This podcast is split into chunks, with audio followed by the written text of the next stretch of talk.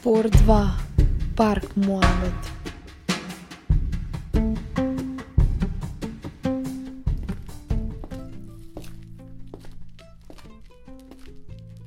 Зошто да чекориш кога можеш да танцуваш?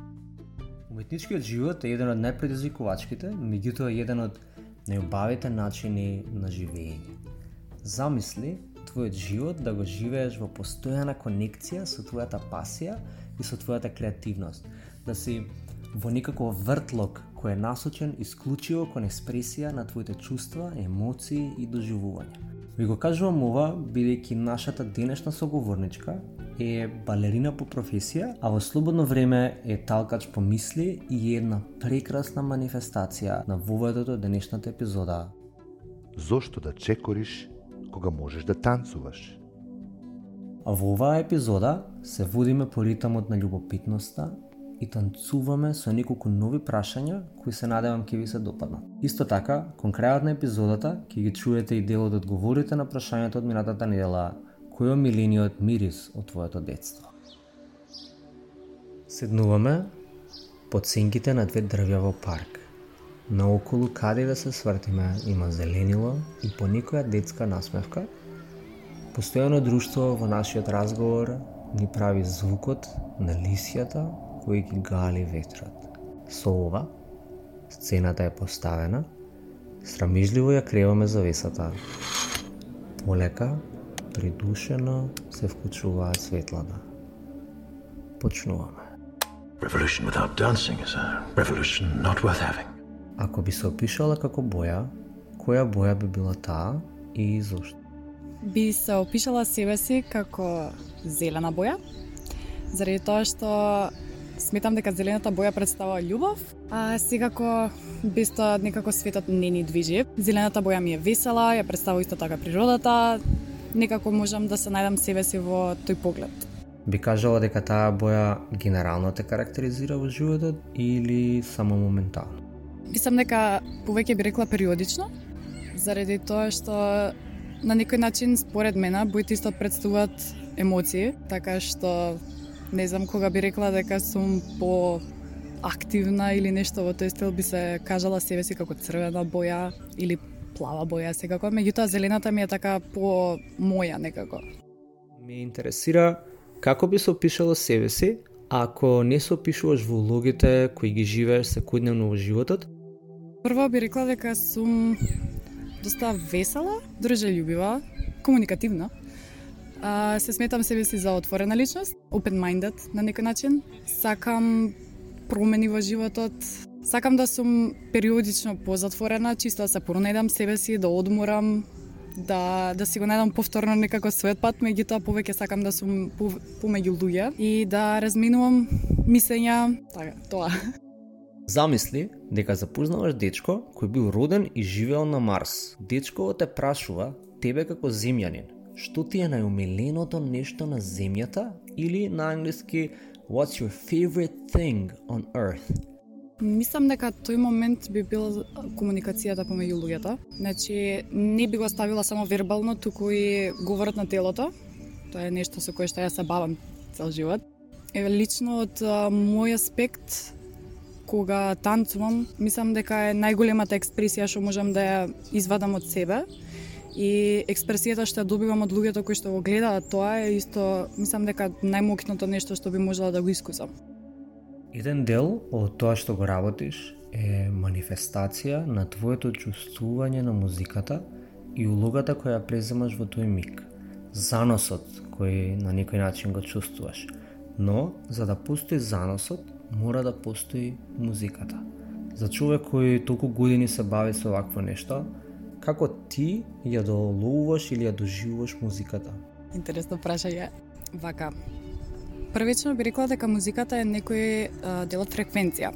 Со тоа што секој пат кога танцувам, мислам дека прво нешто кое што го чувствувам во моментот е вибрацијата на самата музика, што носи, каква емоција вади, тоа може да произлезе од сето тоа. Ја чувствувам едноставно како како изолирање од се што се случува во моментот и за мене во самиот тој момент постои само музиката и се трудам да ја изживеам најмногу што можам. А, мислам дека музиката е исто така многу голема движечка сила, заради тоа што секој човек во текот на денот сигурно пушта музика, било кој стил да е и што и да се случува, да го долови а, својот момент. Значи, емоцијата, среќата, не знам, група на луѓе, ако си тажен исто, значи, ја доживувам како некој момент на движечка сила, на некој начин. Во овој период од твојот живот, која е некоја песна која постојано ти оди на репит? Тоа би било Love Tonight. Не ми текна точно артистот како се викаше, меѓутоа така таа е песната која што периодов ме движи. Зошто? Тоа што ја прави посебно? Um, мислам дека ми е посебна заради тоа што има група на луѓе во позадина, значи вокал, кој што да, ми дава некоја, некој момент на, на поврзување. Уште едно прашање за музика и ќе прекинам. Замисли дека стоиш пред портите во рајот и пеколот и помеѓу двете со големи букви во средина пишува Олицетворението на твојот живот после смртта, односно она што ќе следи до бесконечност, е една песна која ќе свири на репит. Која песна би се вртала на репит до крајот на твоето време во рајот и која песна би те измачувала до крајот на твоето време во пеколот? Uh, um, ме стави во мисла сега. Вака, Мислам дека кога би влегла во рајот, би била Дюк Даймонд, Diamond uh, The Power. А кога би влегла во пеколот, мислам дека некој хеви метал или нешто во тој стил, бидејќи слушам секаков тип на музика, меѓутоа тоа за тоа ти треба енергија, ти треба, не знам, треба да си спремен за такво нешто. И оваа недела продолжуваме со серијалот Прашање на неделата. Вашите одговори, доколку милувате, може да ни ги спратите на нашата инстаграм страница Збор 2. Прашањето за оваа недела е На што премногу размислуваш периодов? Продолжуваме. Кога во последниот период се се чувствувала најсакана, односно најлюбена? Мислам дека тоа би било точно последниве две недели од мојот живот, заради тоа што и покрај мерките и покрај се што се случува имав шанса да некако сосема спонтано запознам доста луѓе и повеќето од нив се доста позитивни и open minded. Некако би, би рекла дека се, си ги пронајдов моите луѓе. Се почувствав сакано заради тоа што добив на некој начин супорт, односно подршка за се што правам, за се што ми е како идеја. И мислам дека тоа е исто многу битно, да имаш луѓе во животот кои што ќе бидат секогаш онака just go with it. Um, точно. Која е твојата научена лекција после целата оваа ситуација? Искрено доста работи да учив за време на ковидот, заради тоа што имав доста време да поминам самата со себе, да размислувам до каде сум, што сум, што би сакала да направам, што сум направила до сега. Првично, мислам дека најголемата лекција ми беше дека што и да правам, како и да постапувам, секогаш треба да си останам на своето, заради тоа што кога ќе поминеш малце подлог период сам со себе, сваќаш дека ти си највредниот самиот на себе.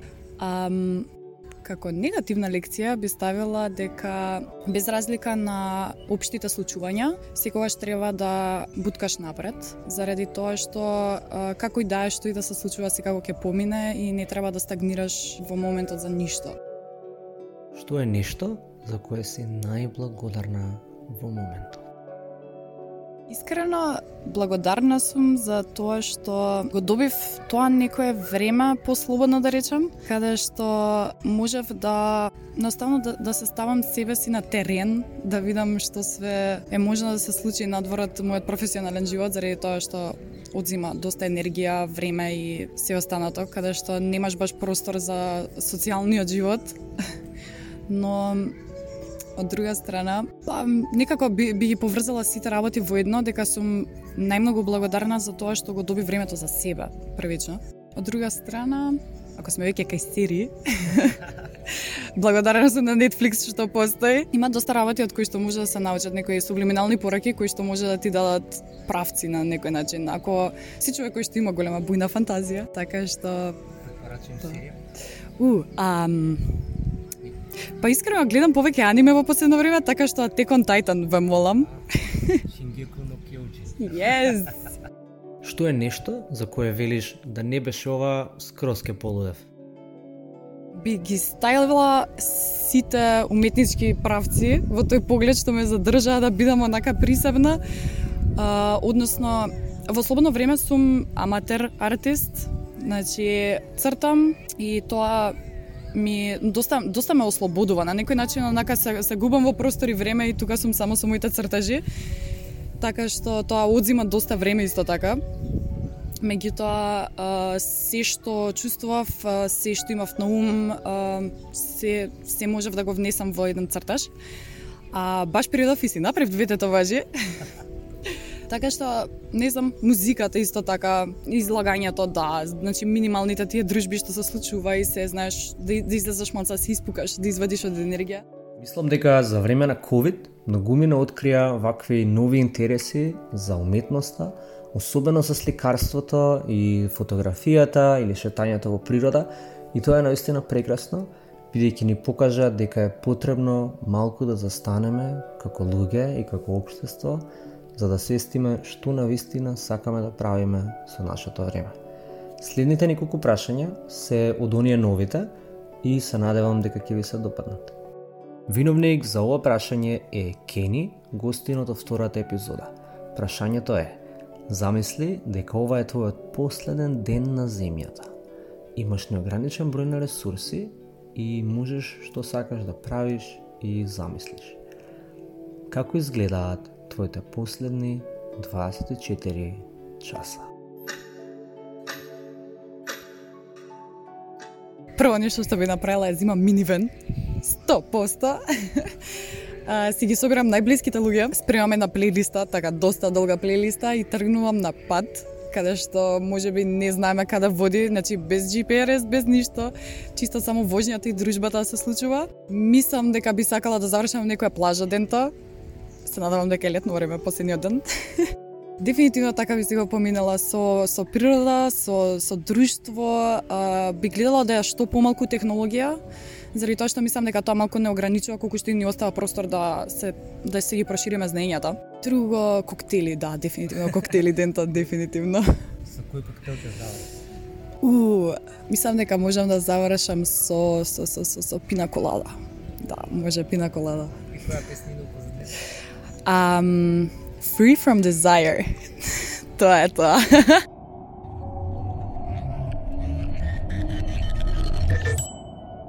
Се случува time travel. Поминуваш низ некаков портал и наеднаш, освестувајќи си го телото, погледнуваш наоколу и сваќаш дека седиш во некое мало француско бистро со кафето пред тебе. Без разлика на временскиот период, која е некоја личност од историјата која седи спроти тебе. Каков совет би побарала од него, односно од неа? Мм, интересно.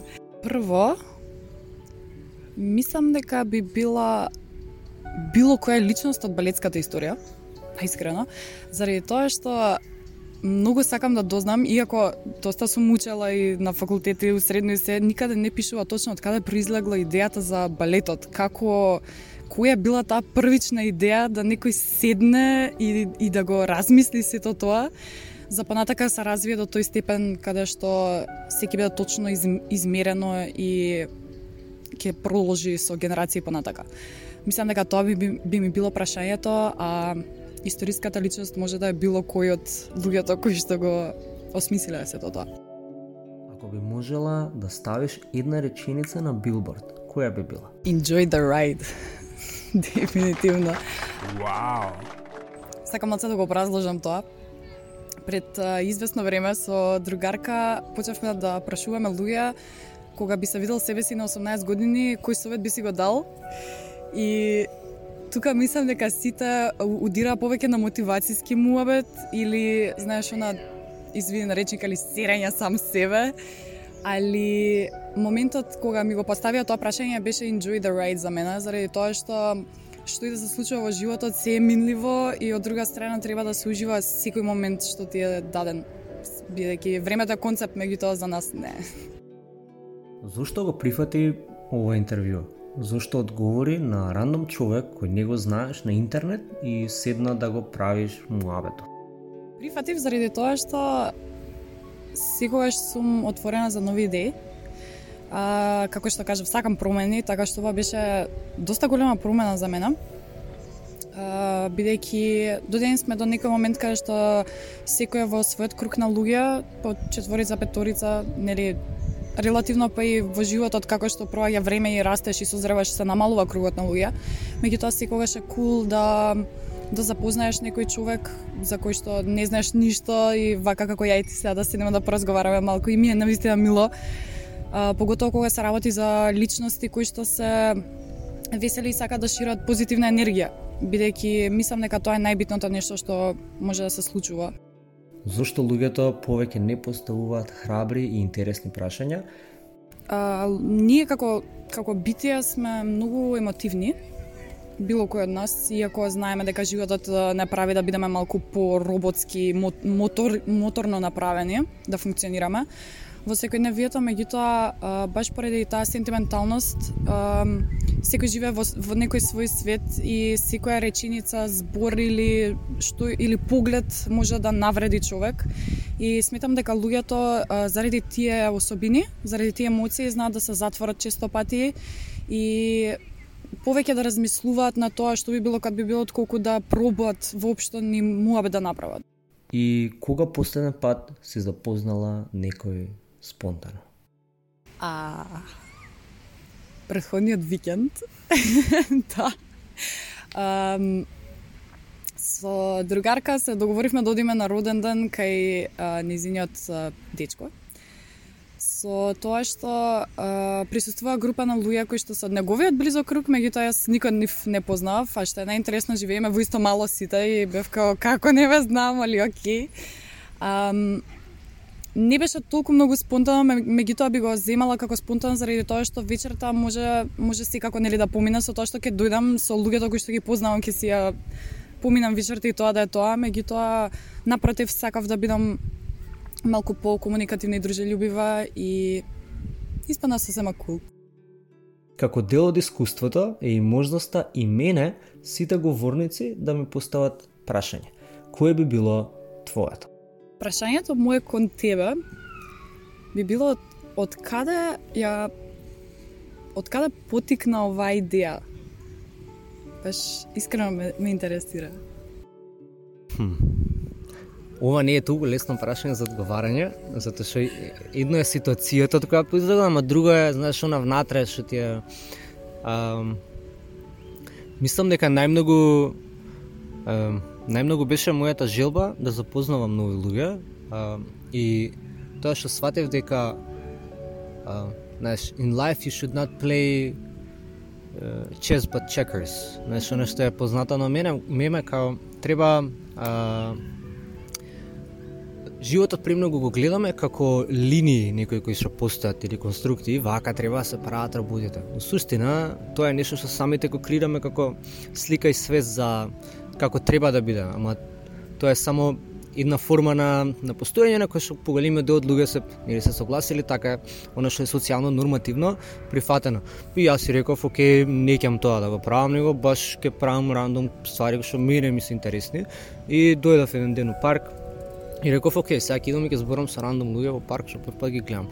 И така почна се.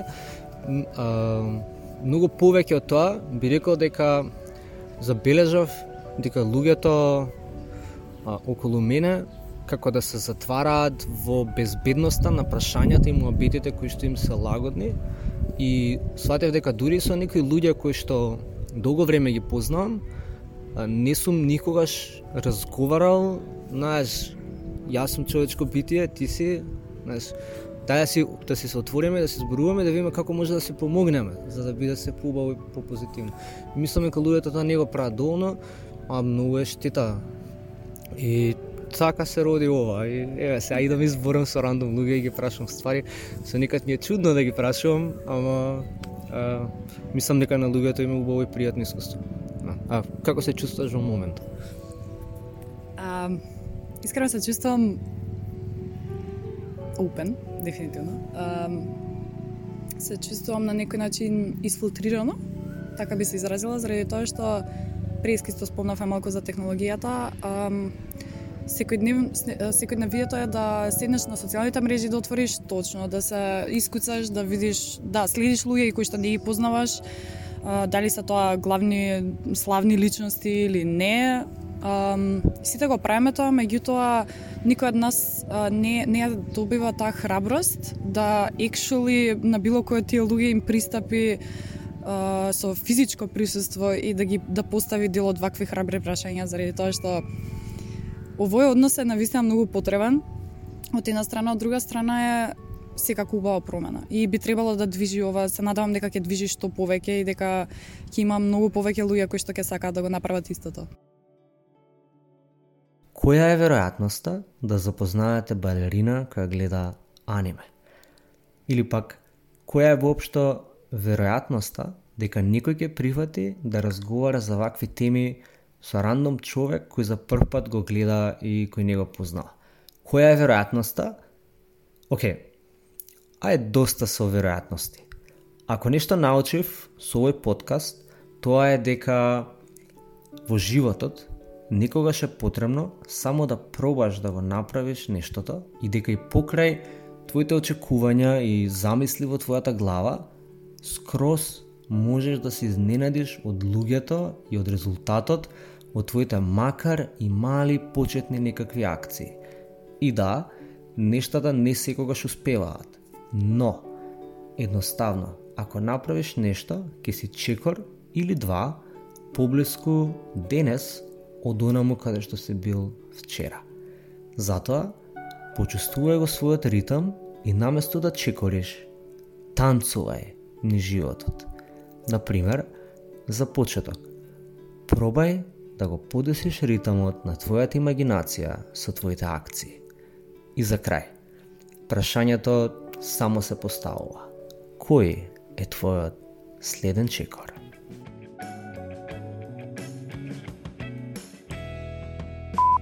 Имате можност да пуштите некаков шаут во етерот. Што би кажале? Leave the left at a fullest. Дефинитивно. Ова се некои од моите омилени одговори на прашањето. Кој е омилениот мирис од твоето детство? Зошто токму тој? Печен леп, односно тесто, бидејќи ме подсетува на моите корени, на основата и на гладта за животот. Солта на морето, односно мирисот на јод, бидејќи ме подсетува на безгрижните денови на одмор со моите и ме подсетува на плажа. Мирисот на свежи кифлички, што ги испекла баба ми, и мирисот на костени и качамак и љубовта која доаѓаше од кујната и од рацете на баба ми и дедо ми. И мирисот на печени тикви и печени костени. Мирисот на јаболка, бидејќи уште од мала сум окружена со нив и секогаш кога се сеќавам на дом, на семејство или на моите краишта, го чувствувам баш тој мирис кој е специфичен. Мирисот на куќата на прадедо ми Лазар, во која сме поминале многу лета со моите братучеди и јас како најмала во таа мала група на лудори така тој мирис е нешто кое што ми остана во сеќавање. Мирисот на млечник, омиленото јадење, кој не го пробал, тоа мора да го искуси барем еднаш, бидејќи мајка ми е уметник кога станува збор за вакви специалитети и кога ќе намирисам нешто и ден денес трчам на кујната и нестрпливо се вртам околу тепсијата чекајќи да се улади млечникот. Многу сум среќен што го изслуша целиот подкаст. Ако сакаш да помогнеш во создавањето на приказната наречена Збор 2, тогаш те молам сподели го овој подкаст со твоите пријатели и кажи им за типчето кој зборува со рандом луѓе во парк. Можеби некој од нив ќе биде отворен за да си направиме убав муавет и да се посмееме. Во следните епизоди, како и ни скупските улици, семафори и култни места, ќе дознаеш и за други начини на кои ќе може да се вклучиш во проектот. До тогаш, запрашај се, Dalje ga postaviš v istinsko vprašanje.